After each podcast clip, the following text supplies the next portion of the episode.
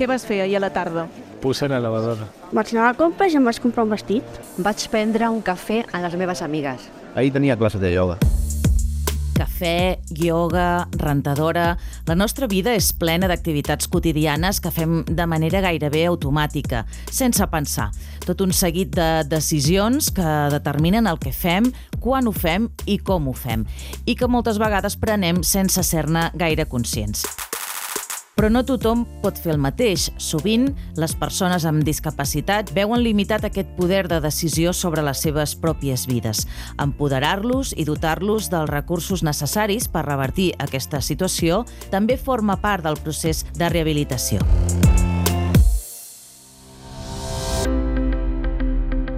Avui dediquem una veïna de Mielina a parlar dels programes d'intervenció comunitària de l'Institut Goodman, la rehabilitació més enllà de l'hospital. Veïnes de Mielina, un podcast accessible de l'Institut Goodman, coproduït amb Badalona Comunicació. Connectant neurociència i persones.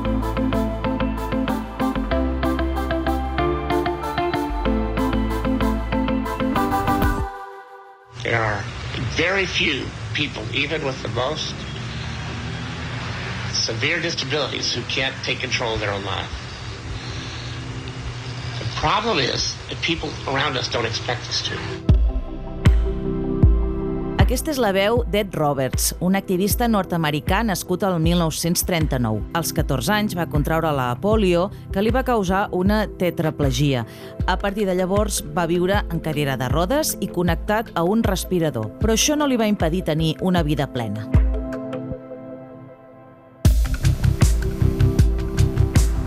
Ed Roberts se'l considera el pare del moviment de vida independent, que defensa que totes les persones tenen el mateix valor i han de participar en la societat en igualtat de condicions que la resta. Entre altres coses, Roberts va lluitar fins a aconseguir ser el primer estudiant en cadira de rodes a la Universitat de Berkeley, a Califòrnia.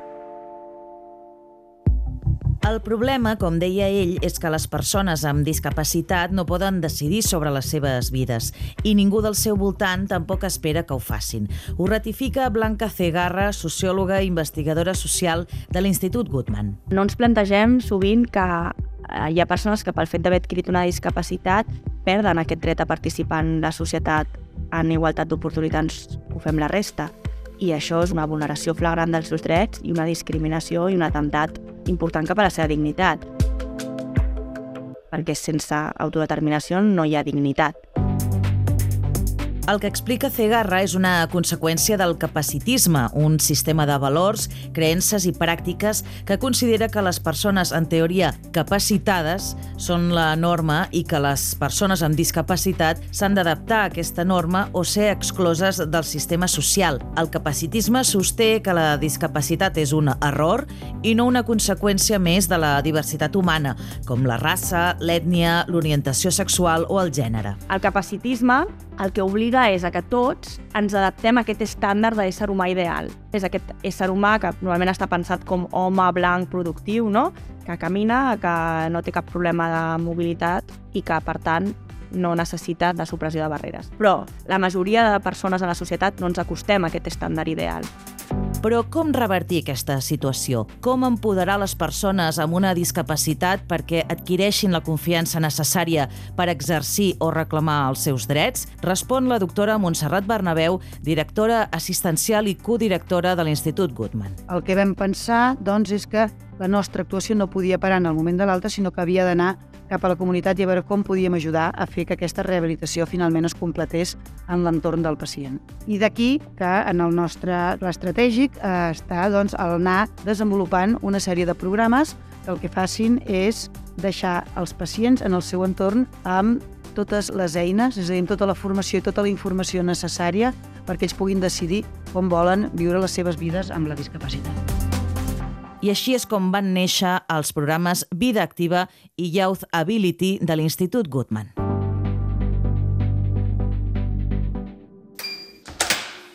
Buen día, guapas.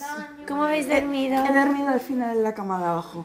Muy bien. Buen día, María. Buenos días. Quiero dormir. toca levantarse. És divendres i l'últim dia de Youth Ability, un campus d'estiu gratuït organitzat per l'Institut Goodman on participen joves d'entre 13 i 25 anys amb una discapacitat causada per una lesió medular o un dany cerebral adquirit. Són un grup d'11 joves i ahir a la tarda van anar al cine i a sopar. La cosa es va allargar i avui costa sortir de dins dels llençols. Una de les persones que els acompanya aquests dies és Elisabet Blanco, fisioterapeuta de l'Institut Goodman. La rehabilitació al nen doncs, no és dir-li vinga, posa't a caminar i fes quatre voltes al gimnàs, sinó que és buscar-li un per què i un objectiu perquè el nen també es senti atret per poder portar a terme el que tu necessites. Hem fet vela, hem fet paddle surf individual i, i el paddle surf al XXL en grup. Hem anat al cine, hem estat a la piscina, hem fet paddle. ¡Vamos!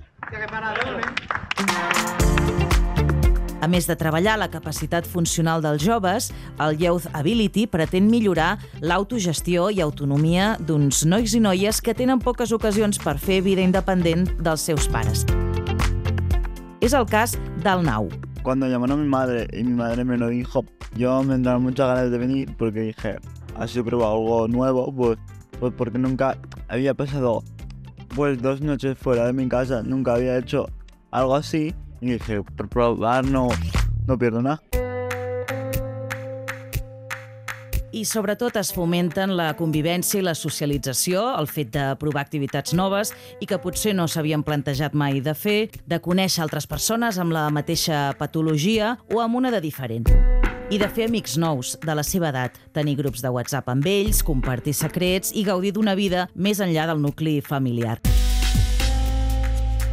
L'Iñaki, pare de la Lucía, n'és molt conscient. Hay que en cuenta que estos niños, en general, tienen unas limitaciones a la hora de socializar con otros niños, ¿no? Entonces, eh, qué duda cabe que mm, a lo largo de su vida pues, se relacionarán más con niños con los que conviven a nivel de colegio, etcétera, y este tipo de actividades pues, les dota de unas capacidades, aparte que les enriquece a ellos, también les abre el abanico, el que sea, por ejemplo, de temas de conversación, de aspectos con los que compartir con otros niños. A l'hora del comiat, tots comenten la jugada. Expliquen als pares com han anat aquests dies, si han dormit més o menys, quins esports han practicat i què els hi ha agradat més dels àpats. Alguns marxen ja pensant en repetir l'any vinent. One, two, three.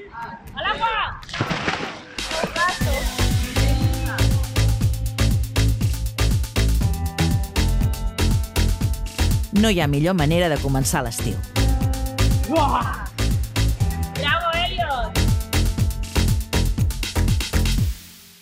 Beines de mielina.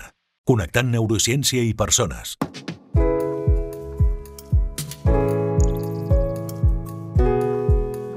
Una lesió medular suposa un impacte vital que afecta totes les esferes de la persona. De cop i volta no només s'experimenten canvis a nivell físic, sinó que queden afectades la imatge que un té de si mateix, l'autoestima, les relacions, la sexualitat i fins i tot el projecte de vida.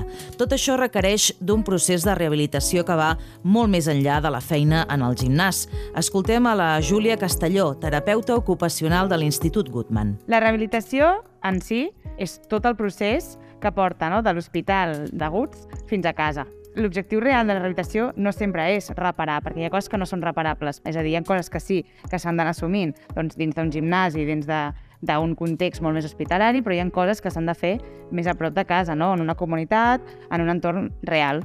Hi ha activitats molt més bàsiques de vida diària, però després també hi ha activitats d'oci, hi ha activitats productives, hi ha activitats i rols familiars que s'han de reprendre. La Júlia Castelló és una de les coordinadores del programa Vida Activa, una iniciativa de l'Institut Goodman que pretén que les persones que pateixen una lesió d'origen neurològic recuperin al màxim la seva autonomia funcional i la capacitat de decidir i autogestionar-se. Després d'una lesió medular, tornar a casa no té res a veure amb viure com vivies. Hi ha coses que, evidentment, les fas dins de l'hospital, però els contextos hospitalaris no s'assemblen gens a les cases, no? I cada casa és diferent. La casa, en el context d'una lesió medular, no fa referència només al que es fa dins del domicili, com la higiene diària o la preparació del dinar. Casa és tot allò que conforma la teva vida i realitat, incloses les relacions personals o el lleure. Entrenem, per exemple, el desplaçament en exteriors, entrenem el transport públic, entrenem anar a un gimnàs quotidià, no? que, o sigui, convencional, no? amb, amb persones sense discapacitat. També abordem altres temes doncs, com la incontinència, la sexualitat, la pròpia vivència no? del que vol dir convertir-se en un lesionat medular. La primera edició del Vida Activa es va celebrar a l'abril del 2022 i van participar cinc persones amb tetraplegia o paraplegia. Algunes feia molt poc que havien adquirit la lesió, mentre que d'altres feia gairebé 20 anys que la tenien. D'alguna forma, l'experiència d'aquestes persones amb 20 anys també va ajudar molt a les persones amb lesions més agudes. I alhora, aquestes ganes i aquesta frescura de les persones amb menys temps de lesió que anhelen fer moltes altres coses, feia despertar a les persones amb més anys de lesió aquesta energia no? i aquesta frescura de dir, ostres, jo he renunciat a això i no hi hauria d'haver renunciat.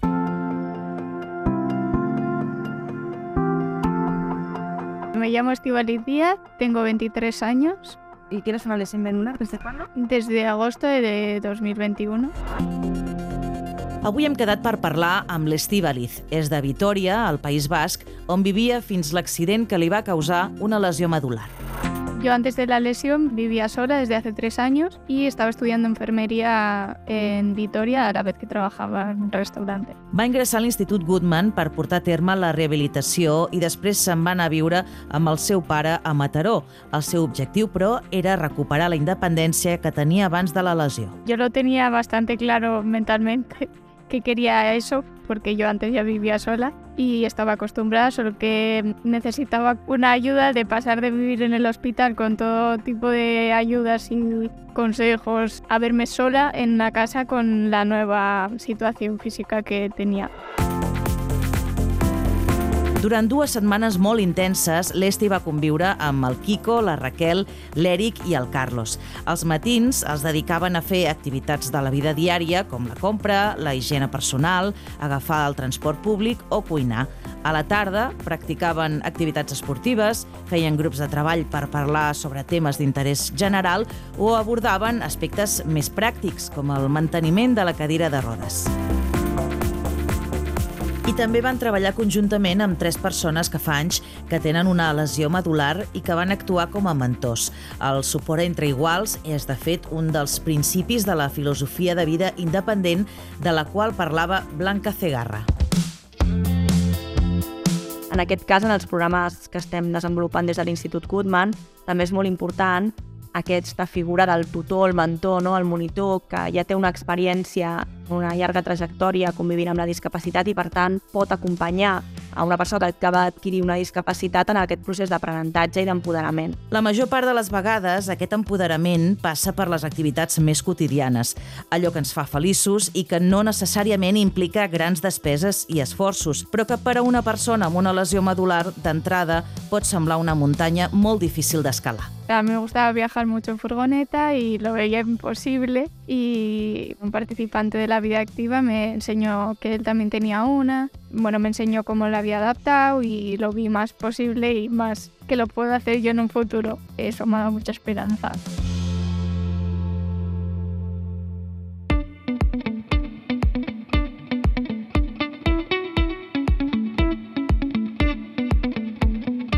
Les properes edicions del Vida Activa i del Youth Ability hi participaran altres persones amb vides, realitats i sentiments diferents, amb somnis per complir i reptes per assolir, i sobretot amb ganes de viure felices i tranquil·les.